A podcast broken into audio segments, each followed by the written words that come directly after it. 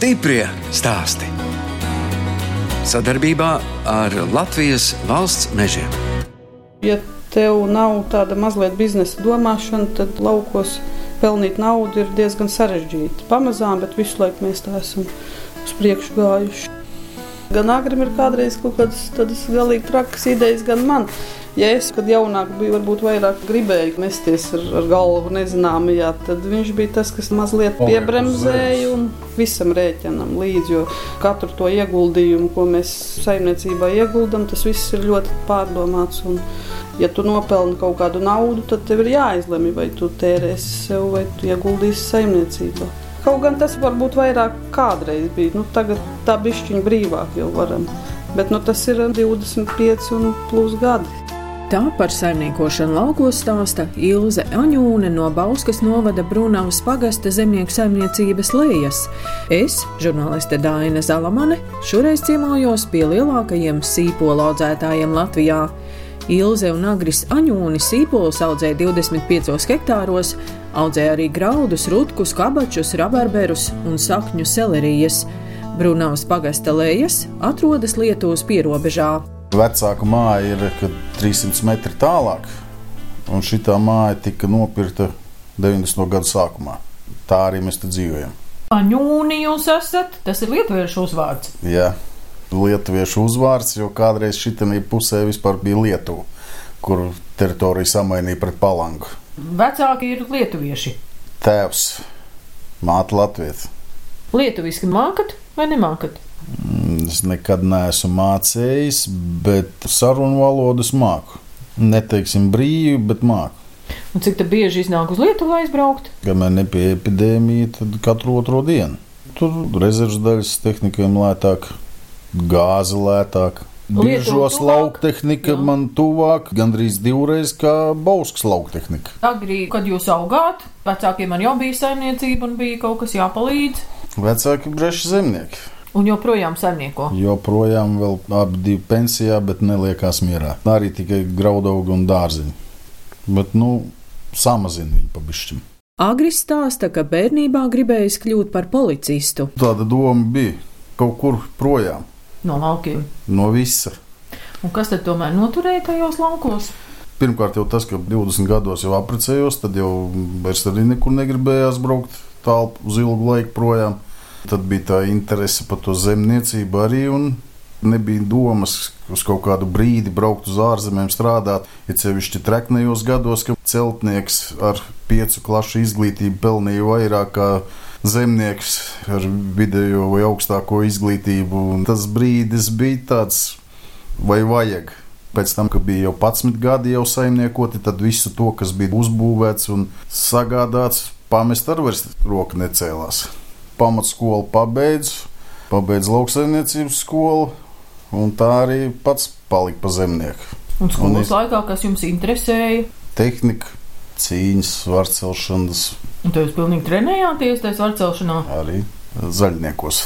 Sākās tā zemniecība, likās, nekas tāds nebija bijis, un ka būs baigi rožaini tas viss pasākums. Un pēc tam, jau, kad iesākt, tad pamest vairs nevarēja. Bet jums arī bija īpašumā zeme vecākiem? Jā, pamats bija, un pēc tam vēl tika piepirkts klāt. Un kur tad jūs to ilzi satikāt? Tepat tas, ja ņem pa taisno pāri upei, nepilnīgi 5 km attālumā. Ilzi, tad jums arī ir lietuviešu saknes. Man tēvs ir nedaudz lietuvietis, kāda trešajā paudze, bet mamma man ir tīra latvieta, jā, un Mēs jau praktiski ar Agri viens otram tepat vien blakus esam dzīvojuši. Skaistkalns pagastā. Šeit pat pāri upei sanāk. Tilts ir 40 km uz vienu pusi un 40 km uz otru pusi. Tā kā mums tie ceļi tā nekrustojās. Bet iepazināmies mēs zaļumballē. Man bija 16 gadi, Agrim bija 17 gadi, un tā mēs neesam, neesam šķīrušies. Jūs jau, kā tad jūs izaugāt, arī vecāki bija lauksaimnieki? Uh, tad, kad sākās juku laiki, tie bija 90. gadu sākums, 80. gadu beigas. Tad vecākiem tā, tāda doma bija saimniekot. Viņi iesāka to arī darīt, un mums bija arī daudz zemes mantojumā no senčiem, bet uh, kaut kā neizvērsās tas tā ļoti lielā saimniekošanā. Bet eh, tādos zemes darbos un tādos lauku darbos es vienmēr esmu bijusi jau no bērnu dienām. Jo, kad mācījāmies skolā, mēs četri bērni ģimenē, trīs māsas un brālis. Bija daudz jāstrādā un smagi jāstrādā, jo bijām liela ģimene. Tāpat bija jāiet arī kolhozā vasaras brīvlaikā. Atceros, kad 4. klasē abas māsas, man vecākas, ir gājušas māsām līdzi uz fermu govis, slūgt un tās garās biešu vagas kaplējām. Man tas tā kā patika, varbūt, bet es savu nākotni nesaistīju ar lauksaimniecību absolūti nemaz. Un, ko te jūs mācījāties? Rīgas vieglās rūpniecības tehnikums kādreiz bija. Tagad es nezinu, kā to skolu sauc. Es mācījos par šūšanas tehnologu un arī pabeidzu skolu. Man tas sapnis bija kļūt par tēpu modelētāju. Paspējāt arī pastrādāt kā šuvēja? Nē. Jo kā pabeidzu skolu, tā es apprecējos, un tā man, man dzīves plāni mainījās. Apprecējāmies mēs ļoti ātri, jāsaka. Man bija 19 gadi, agrim 20 gadi. Un tas iesākums mums bija kopā jā, ar, ar agru vecākiem. Mēs sākām saimniekot. Tajos laikos bija gan govis, gan cūkas, graudi. Kartupeļi, no visa kā pa bišķim. Tā jums ilgi arī iznāca uz kūtu iet? Un man arī iznāca, un es gāju visam cauri. man gāja grūti. Bet es mācījos un, un nepadevos. Visgrūtāk, jo man gāja ar lopiem. Man lopi ļoti tādi sveši nav, bet man bija ļoti daudz kas jauns. Kā pieņemt cūkai bērnus. Sīvēniem izkniept zobus, sapotēt, izkastrēt. Viss bija pašiem jāiemācās. Katru reizi aicināt veterināru, tas taču arī ir izmaksas. Tas tad laikā bija dārgi un nebija viņš uzreiz arī pieejams. Kā tad jūs sapratāt, ka jūs gribat paši saimniekot? 99. Gribējās pašiem organizēt savu laiku. Un, un, un bez lopiem? Un bez lopiem, un varbūt pamēģināt kaut ko citu. Un, arī paskatīties, ko mēs paši arī esam spējīgi izdarīt. Tad mēs jā, nodibinājām pašu savu saimniecību. Vecāki mums palīdzēja ar tehniku un ar zemi. Un ar padomu nekad neatteicu. Bet nu, mēs to saimniecību sākām būvēt ļoti lēni un tā pamatīgi jo mēs nevienu brīdi nedomājām pārtraukt vai kaut ko tā ļoti krasi mainīt. Bija gan cūkas, gan siltumnīcas, mums bija ļoti daudz. Tomāti, gurķi? Gurķus audzējām. Tajos laikos bija arī tā, ka bija vairāk cilvēku uz vietas, kas varēja strādāt. Paši bijām jauni un arī nu, vairāk spēka bija. Kaut gan tagad arī tā kā nu, nevarētu sūdzēties, piekusuši vēl tā kā nesam. nu, vēl gana jauni. bet, bet gribētos bišķiņi vieglāk to ikdienu. 40 hektāri, tas ir tā pietiekama tā platība. Dārziņiem pietiek. Ja nodarbojas tikai graudaugu audzēšanu, tad nu, līdzvērtīgi vismaz 300 hektāri būtu. Stiprie stāsti!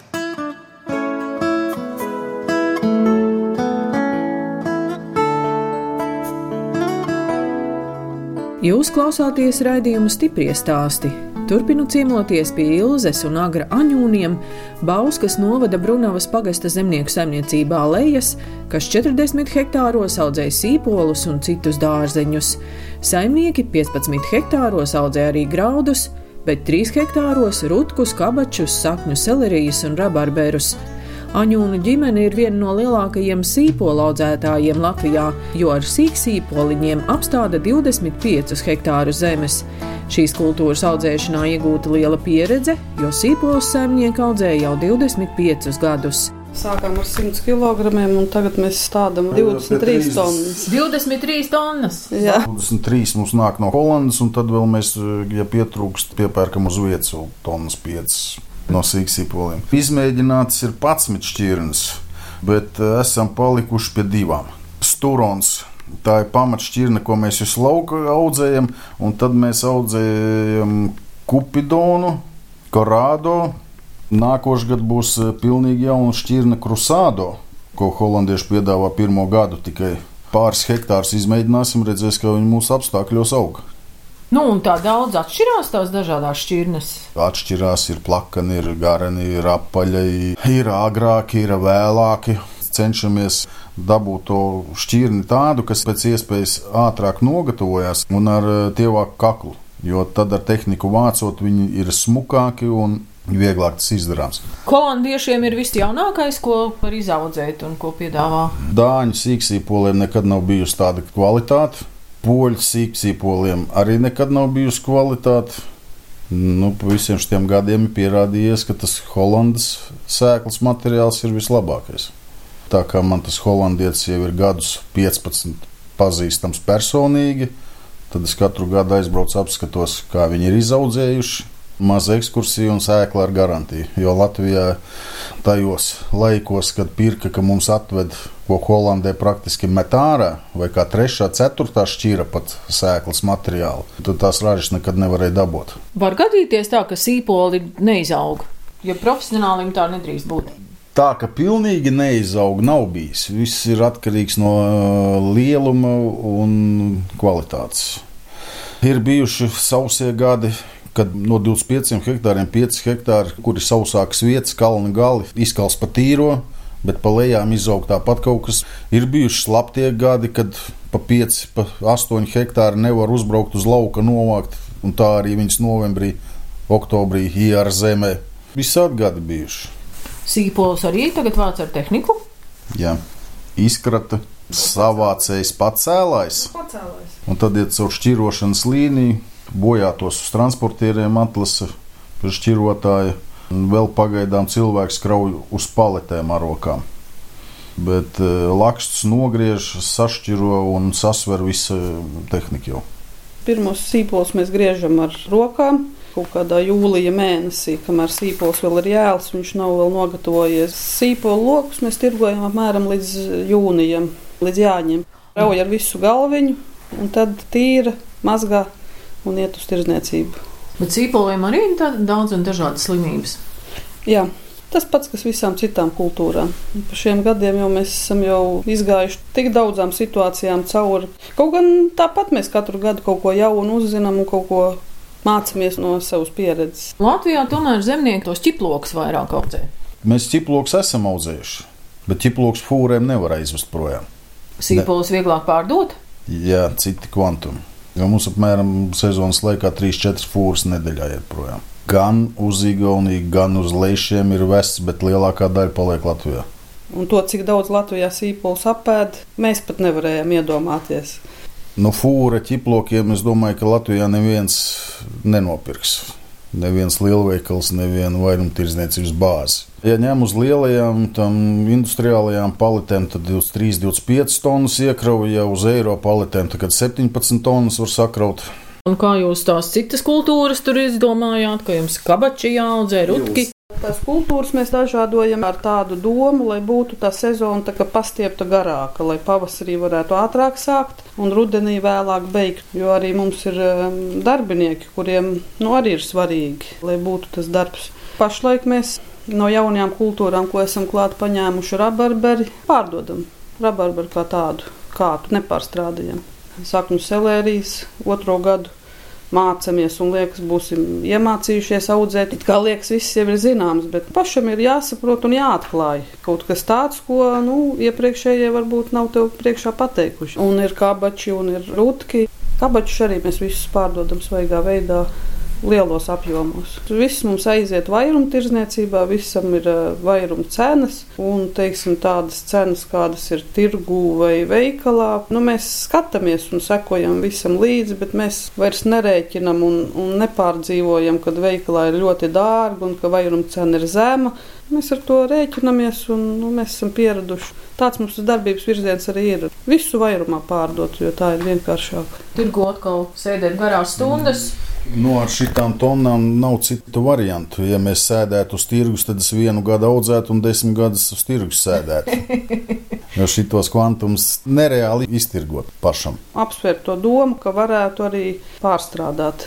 Arī tos pašus sīpolus esam domājuši. Varbūt kaut ko jaunu no, no sīpola izspiest. Var marinēt sīpolus, var sīpolu eļļu taisīt, var grauzdētus taisīt ko darīt, jau ar viņu būt. Nu, ilgākais mēs esam tirgojuši līdz Ziemassvētkiem. Tā sezona ir ievilkusies, bet uzglabāt tas ir pa visiem šiem gadiem pierādījies nav vērts, jo viņiem nekad ziemā un uz pavasara cena neuzkāpj. Kā viņi maksā, tā arī viņi maksā, un ja vēl pierēķina glabāšanu, otrreizēju šķirošanu, bojātie, kas aiziet nost, arī kaut vai 5 centi līdz tam pavasarim uzkāpt, cena nav vērts.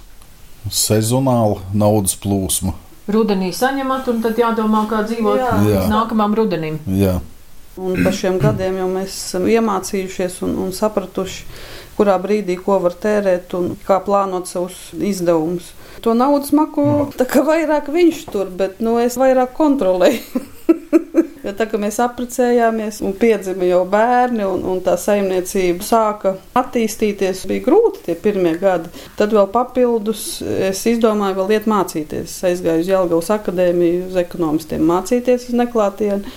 Pirmkārt, jau ļoti labas zināšanas es tur guvu. Es nepārtraukti arī vēl, vēl šobrīd, kā ir kaut kādi kursi vai kaut kādi semināri, es visur aktīvi piedalos. Nu, tagad pēdējos desmit gadus tā saimniecība ir izaugusi līdz tādam līmenim un tik tālu mehanizēta, ka mēs esam stipri mazāk atkarīgi no darba spēka, no laika apstākļiem un no vispārējā. Jo tagad, ja ir savs laiks, tad iet tehnika gandrīz sutku, jo Ienākti. jādabū no lauka nost, viss ir jādabū zem jumta, kamēr trūka noliktavu un nebija visas tehnikas, un tie bija smagi gadi. Tagad jau ir savādāk. Projekts rakstu es pati. Un atlika pirmo projektu uzrakstīt un dabūt āķi lūpā, un, un tā lieta aizgāja. Jo, nu, tas nekas sarežģīts nav. Cik projekts to jūs esat uzrakstījusi? Kopumā kādus septiņus ir tādi, kas bijuši noraidīti, bet noraidīti dēļ tā, ka nepietiek finansējuma fondā. Kādreiz ar kartupeļu dakšām vajadzēja kraut sīpolus šķirotājā iekšā, tad šodien ar rokām vairs nekas tāds netiek darīts. Viss šķirošanas iekārtas tehnika, traktora tehnika, Baltkrievu un Poļu nav no dārgā gala. It kā viss ir automātiski fasē, viss šķirotāji, viss mini iekrāvēji un vispārējais. Kādreiz teicu, ķīniešiem slikta tehnika, pēc tam bija poļiem slikta tehnika, bet šodien gan ķīnietis, gan polis taisa tomēr to tehniku tādu, ka viņa neatpaliek. Šogad nopirka jaunu poļu maiņu versiju arklu. Nu, viņš neatpaliek no Kvernelanda vai no Krona. Nu, cena viņam, protams, ir cita. Un nav mums jācenšas supermodernas un superdārgas iekārtas, ja tā lētā iekārta un tā vienkāršā izdara tās pašas funkcijas, ko tā dārgā. Brunavas pagasta zemnieku saimniecībā Lējas sezonas laikā strādā ap 40 darbinieki. Gan vietējie pagasta cilvēki brauc arī no Bauskas. Mēs tomēr dodam priekšroku vietējiem cilvēkiem, jo mēs viņus zinām, pazīstam, un viņi arī mūs zina. Bērni ļoti daudz nāk strādāt, mums pa šiem gadiem ir tā, ka mums jau ir ļoti daudzi caur mūsu to saimniecību vasarās ir izauguši, iemācījušies strādāt, un nu jau viņi jau ir prom savās dzīvēs. No cik gadiem daudz- jūs varat ņemt? No 14. Bet sezonas darbos var arī no 12 nodarbināt. Tie, kas ir tie mazie bērni, viņi nāk ar vecākiem kopā. Ir divas kategorijas. Tie bērni, kuriem mammas un tēti grib, lai viņš iet strādāt, un tie otri ir tie, kuri paši grib. Un viņš pat pats pazvana mums un piesakās darbā, un viņš jau gaida. Un, ja 30. maijā, teiksim, beidzās skola, viņš jau 29. maijā zvana un saka, ka viņš grib strādāt. Un ir mums tādi, kas nāk, jā, nu, gads no gada un nu, brīdina, ka būs grūti. Nu, tas nav tā, tā kā mājās. Kāda darba bērniem jādara? Uz lauka sīpolus griezt, ir jāfasē vai uzlīmes jālīmē. Jārevē nav. Un mēs arī cenšamies dot eh, gabalu darbu, un tad tas bērns arī redz, ja viņš vairāk izdarīs, viņš vairāk nopelnīs. Ir bijis tā, ka viņš atnāk uz lauka, viņš nogriež to sīpolmais, viņš izrēķina, cik viņš ir nopelnījis, viņam čipsiem sanāk, viņam limonādei sanāk, un tad viņš tā kā vairāk negrib. Agri, kā tu jūs pats vēl ar traktoru arī pabraucat? regulāri. Miglošanas darbus nevienam neuzticu, vēl joprojām visus atbildīgos darbus pats. Un kamēr ar busu vēl braukāju uz Rīgu, citreiz divas, trīs reizes pat iznāk dienā uz Rīgu braukt, tad pašam laika nesanāk traktorā sēdēt. Bet nu, daudz kur drošāk ir pašam izdarīt. Jo tā sēkla, ķīmija, minerāla mēsli, viss maksā lielas naudas. Lieki neviens zemnieks nekad neko neuzmiglos, neuzbērs. Līdz polijas līmenim, ko viņi miglo un ber, mums vēl jāaug. Mēs, Mēs neaugsim. mēs trešo vai pat piekto daļu pat neuzberam un neuzmiglojam, kas notiek tur. Šogad Agris Aņūns kopā ar citiem Bauskas zemniekiem un uzņēmējiem Rīgā tikās ar valsts prezidentu. Viena no lielākajām problēmām ir lētais dārzeņu imports no trešajām pasaules valstīm. Mums viena otra Eiropas valsts uzrāda sev lielas ražas, bet ieved no visurienes. Ja vāc pa divām, trim ražām, tur tā paša izmaksa stipri lētāka. Un kuras tad ir tās valstis, kuras uzdod to viņu produkciju par savējo? Polija pirmā uzrāda sev 4-5 reizes lielākas ražas kā reālās un ved visu. Nu, mēs, piemēram, savu produkciju uz vecajām Eiropas dalību valstīm aizvest pārdot nevaram. Tur iekšējie tirgi visi ir aizsargāti. Tur neviens nedos nevienu certifikātu, nevienu atļauju tur kaut ko vest pārdot lētāk. Tādā Holandē, piemēram, sīpola dubultā dārgāk maksāja šogad kā šeit, jo viņi savus vietējos audzētājus aizsargā. Bet mums reāli ievada kontrabandu. Latvijas sīpols mēs jau pazīstam, kāda viņi izskatās dotajā brīdī kādus var novākt no lauka. Un, ja veikalā parādās, piemēram, rakstīts Latvijas sīpols, bet mēs saprotam, ka šajā laikā tāds Latvijas sīpols neizskatās, tad tas secinājums tāds, ka tā izcelsmes valsts nav svarīga. Tur ir akmens tirgotāju dārziņā, jo tirgotājiem ir vienalga, ko viņš tirgo. Var jau būt, ka pircējiem ir svarīgi, lai viņš pērk Latvijas preci, bet ja viņš tiek veikalā maldināts, tad tā atbildība ir tirgotāja atbildība. Arī, ja viņš gribēs to Latvijas sīpolu pirkt, tā Latvijas sīpola veikalā nebūs, jo tajā brīdī ir ievest ļoti liela daudzuma, teiksim, importa sīpolu, un kamēr lielveikalu tīklu neiztirgo to, ko viņi ir ieveduši, tikmēr Latvijas sīpolu nevienam nevajadzēs. Tāda tā realitāte ir. Stiprie stāsti!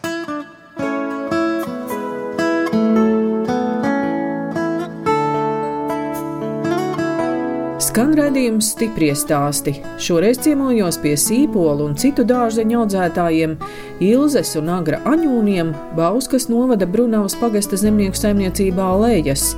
Abi agri apprecējās, tāpēc bērni, dēls Armāns un meita Renāte jau izauguši un dzīvo atsevišķi no vecākiem. Tad, kad auga, tad likās, ka paši jauni un bērni mazi, un es vēl mācījos, un tā saimniecība jāattīst.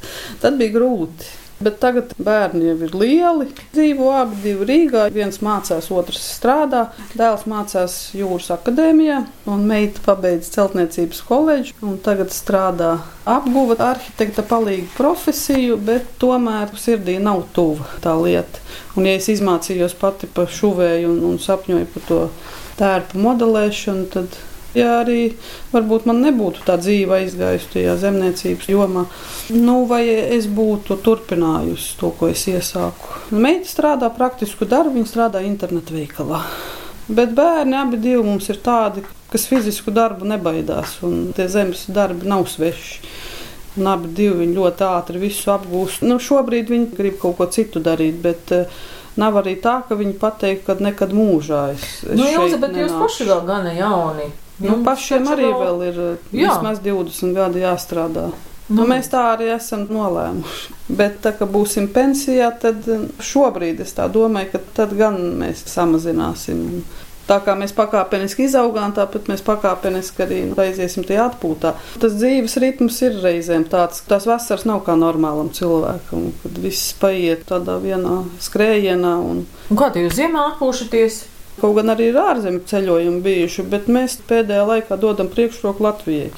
Un mēs arī vienkārši tāpat vienu no rīta svētdienā uzceļamies, pēdam brokastis un sakām, nu, kur nu, jūs braucat? Kaut kur brauksim. Nu, apmēram ar karti pirkstu kartē un... tā arī ir. Nu, kas ir bijis tāds lielākais pārsteigums jums?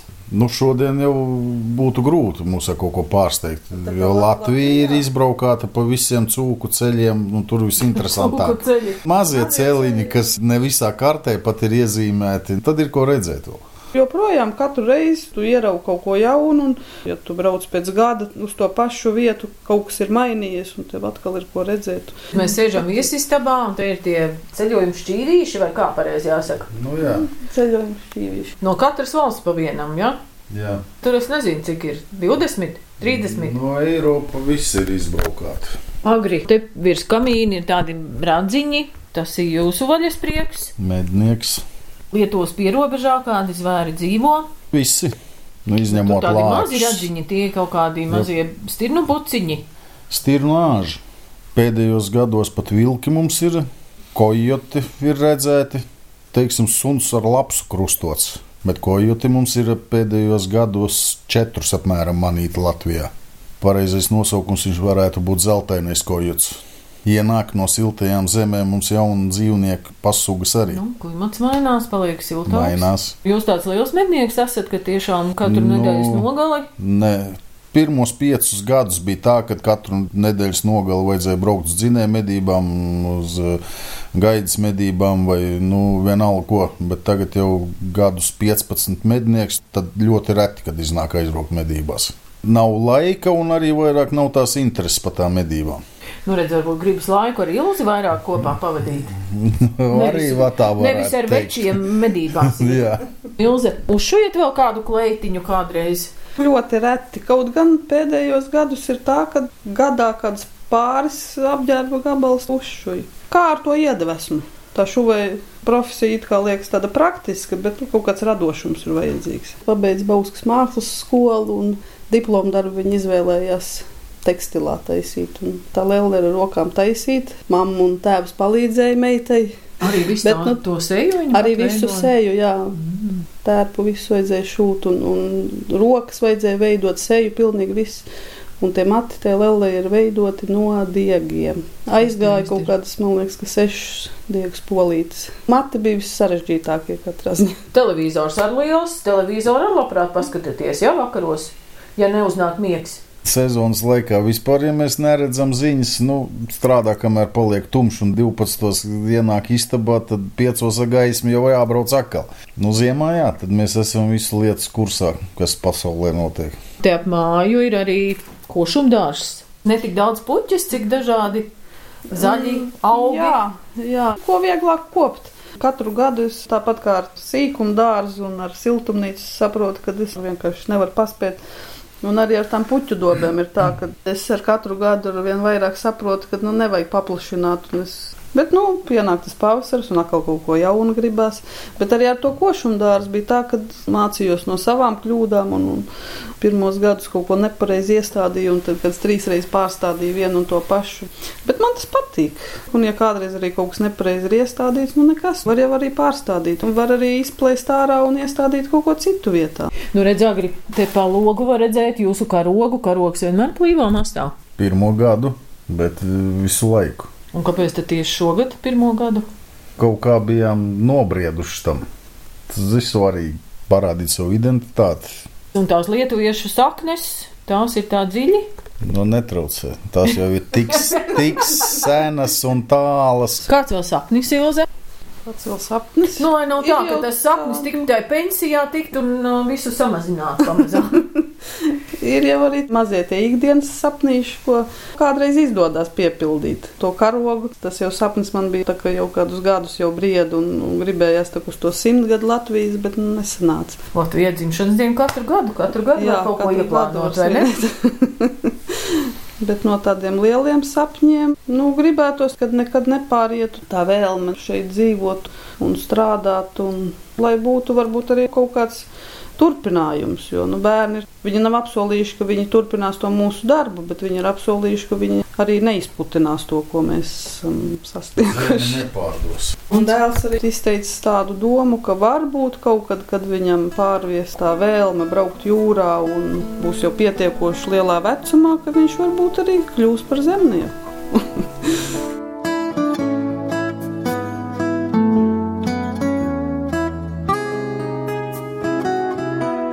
Redījums stipri stāst izskan, un es atvados no Ilzes un Agra Aņūniem, kas Bauskas novada Brunavas pagasta zemnieku saimniecībā lejas, 25 hektāros audzēja sīpolus, pārējā platībā graudus, kabačus, rabarberus, rutkus un sakņu selerijas.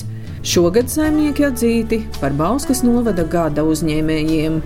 No jums atvedās žurnāliste Dāna Zalamane un operātore Inga Bēdelē, lai tiktos atkal tieši pēc nedēļas.